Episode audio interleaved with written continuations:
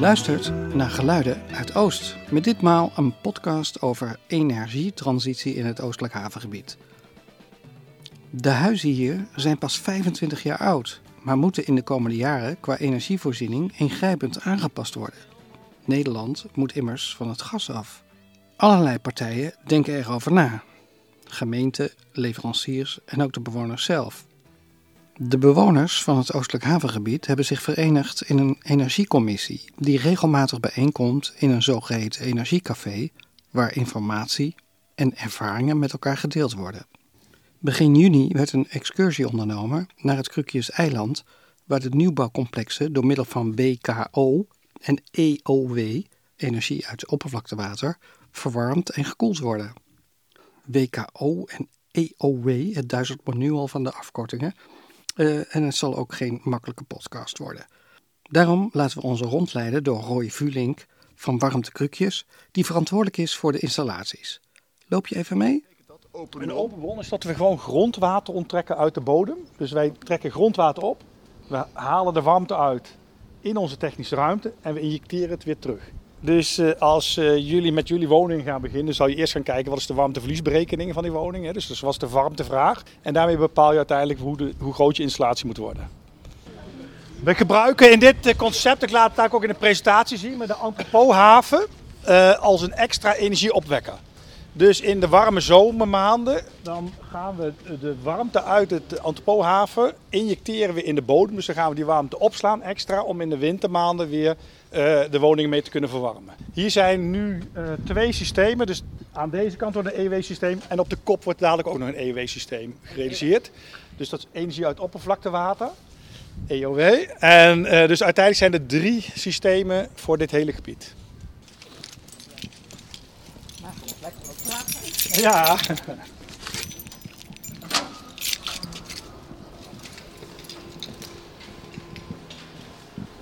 Nou, dit is dan het stukje puzzelwerk van, ook van Lefs geweest natuurlijk. Hè? Want je moet altijd wel een ruimte zien te vinden om zo'n installatie uh, uh, onder te brengen. Uh, dit is niet de meest gunstige, we zullen het eigenlijk ook zien, omdat je dan toch wel een redelijke smalle ruimte op deze locatie hebt. In vierkante meters, ik denk 150 vierkante meter. Uh, maar we hebben ook kleinere projecten, dan zijn de installaties natuurlijk ook kleiner. En de renovatiemarkt kun je ook kijken naar locaties op het dak. Dus dat zijn natuurlijk alternatieven waar je je op kan focussen. Hier staat in ieder geval dan een installatie voor 350 appartementen die erop aangesloten zijn. Links daar in de hoek, daar staan de wisselaars waarmee we eigenlijk de energie uit het grondwater onttrekken. Sommige mensen denken dat het echt het grondwater door de woningen gaat, maar dat mag ook niet vanuit de provincie. Dus we onttrekken alleen maar de energie uit het grondwater en dat gebeurt heel lokaal. En hetzelfde doen we dat met de EOW, dus het oppervlaktewater. Het water wordt eigenlijk gewoon van de Antropohaven naar een warmtewisselaar gepompt. Energie wordt eruit gehaald en het water gaat weer retour. Dus het is eigenlijk op een hele kleine schaal onttrekken we energie uit het grondwater of uit het EOW, uit de uh, Antropohaven. Hier zit voor het hele eiland Warm Krukjes. Dat is eigenlijk uh, de, de werknaam. En ik ben ook eigenaar van Warm Gedeeld. Wij zijn eigenlijk uh, de drijvende kracht achter Warm Krukjes. Belangrijk is wel om een goede exploitant te hebben, omdat uh, dit soort installaties vergen wat iets meer aandacht als een gasketeltje eigenlijk. Dus dat vergt wat meer. Uh, dit zijn lage temperatuursystemen. Dus uh, in dit project is de maximale aanvoertemperatuur 42 graden. Wat we hier hebben staan is eigenlijk zijn lage temperatuur warmtepompen. Die draaien door tot maximaal 55 graden. En we hebben hoge temperatuur warmtepompen. En die draaien door tot zo'n 68 graden max. Maar feitelijk is het wel zo als je kijkt naar rendement en exploitatiewaarde, hè, want uiteindelijk gaat het ons daarom ook hè, als exploitant. Uh, uh, zie je wel tot lage temperatuursystemen die renderen. Ga je naar de hoge temperatuursystemen, dat krijg je eigenlijk vrijwel niet rendabel. Nou, laag is eigenlijk als, want jullie zijn veel in de bestaande bouw. Uh, als je kijkt naar convectoren, dan is het eigenlijk bijna zinloos om met een dergelijk systeem te werken. Want dan moet je veel hoger in temperatuur. Dus dat vaak 70 graden aanvoer, 70, 50 systemen zijn dat. En er zijn wel eens mensen die zeggen, ja, ik heb zo goed geïsoleerd, dus ik kan wel iets minder. Maar daar moet je wel een beetje aan denken. Uh, er zijn wel methodes om het eenvoudig uit te wisselen, maar dan moet je met convectoren gaan werken. Dus als je je reductoren vervangt door convectoren, dan kun je ook naar de vergelijkbare temperaturen gaan, zelfs nog wel wat lager. Dus dan zijn aanvoertemperatuur van 40 graden. Er is veel belangstelling voor ja. de, de oplossing, hè? Ja. Jij bent van de VVE? Uh, Diogenes. En dus... jullie stoken nog op gas? Uh, wij hebben nog uh, gas, ja. Hoe gaan we dat veranderen? Dat weet ik ook niet. Maar er zijn mensen druk mee bezig. Om te kijken wat kan en wat moet. En over welke termijn hebben we het dan? Uh, weet ik niet. Ik... Word je al zenuwachtig met de gasprijzen die je nu uh, op je af ziet uh, Nee, want ik heb een vast contract voorlopig nog. Worden we langzamerhand enthousiast? Ik wel hoor. Maar of het in bestaande bouwen ook kan, dat twijfel ik nog. Dat gaan we vragen toch? Precies. Want er staat nog heel veel hier op het oostelijke havengebied wat Zeker. met oude keteltjes gestookt wordt. Om dat uit te zoeken voor gebouwen, wat er wel en niet kan. Maar het zou wel heel leuk zijn.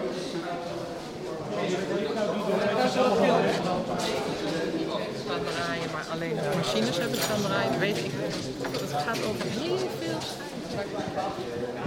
U bent ook een bewoner van het Oostelijk Havengebied? Ja, ik woon in het Oostelijk Havengebied. Ik woon in een appartementencomplex. Ja. Ik ben wel eigenaar-bewoner.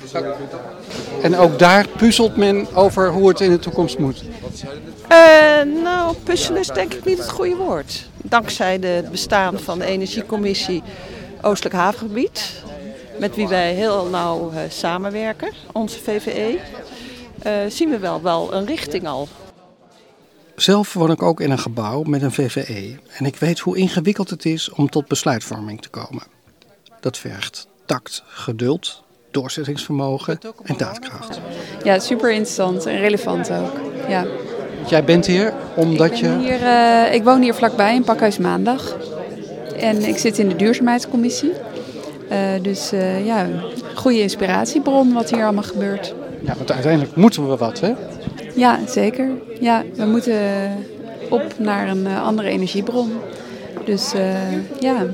Dus die aquathermie zou een mogelijkheid kunnen zijn? Ik denk dat dat voor onze pakhuizen zeker een mogelijkheid is, ja. Ja, absoluut. Er zijn veel enthousiastelingen, dus dat is ook goed om te zien. Ja. Eindelijk, want het is best moeilijk om een VVE enthousiast te krijgen, hè? Uh, ja, dat is best wel moeilijk. Ja, ja. maar uh, ik heb uh, eens horen zeggen dat je altijd een, een um, kopgroep hebt.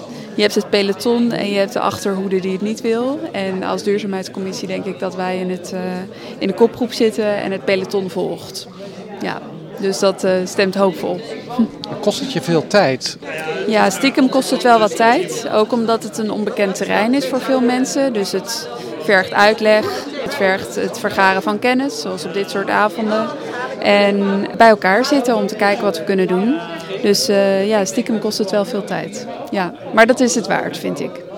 Nou hebben de pakhuizen onderling ook niet zo heel erg veel contact. Het contact wordt steeds warmer tussen de pakhuizen, dus uh, dat vind ik wel goed om te zien. Ja, dus ik denk dat het zeker relevant en belangrijk is om even over de grenzen van ons eigen gebouw heen te kijken.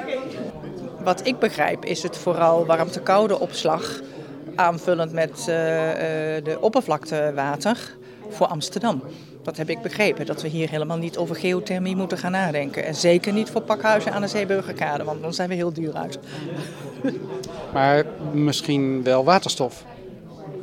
Daar, dat weet ik niet. Daar moet ik me nog in verdiepen wat daar de voor- en nadelen van zijn. Dat is de volgende bijeenkomst? Ja, precies. Wie gaan we uitnodigen? Voor waterstof? Geen idee. Weet jij wie? Nee, dat heb ik echt Weet ik ook niet, nee.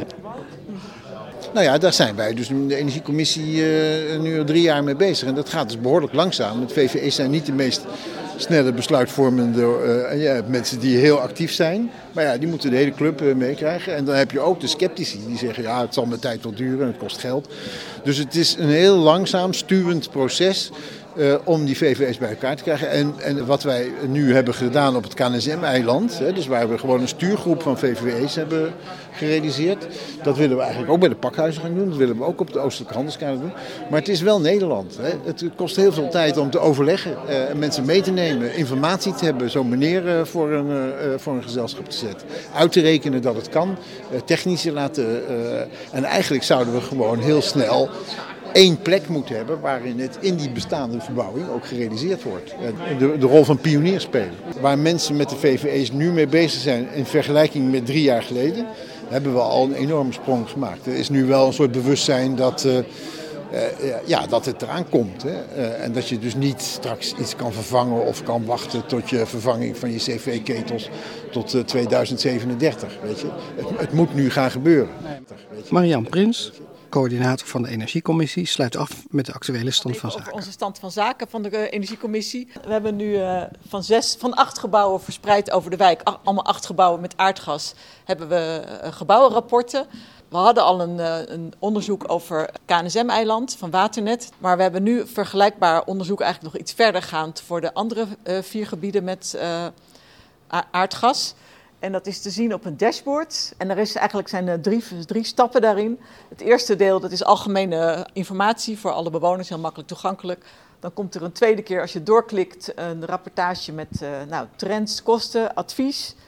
En een derde, die is nog wat ingewikkelder. eh, die moet je dan op, op toegang voor opvragen bij het bureau. Eh, in, het, in, het, in de nieuwsbrief eh, komen de data. En er kunnen uiteraard ook nog VVE's zich aanmelden.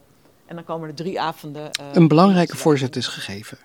Nu vaart in de ontwikkeling brengen. Dat is hard nodig. Wil je meer informatie? Kijk dan op www.energieohg.nl of warmkrukjes.nl.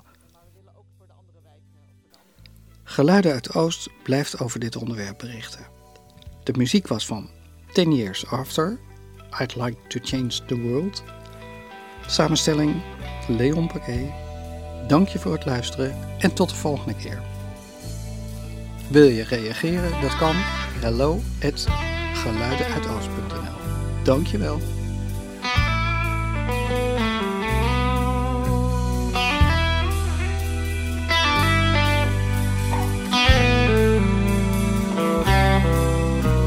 I love to change the world, but I don't know what to do.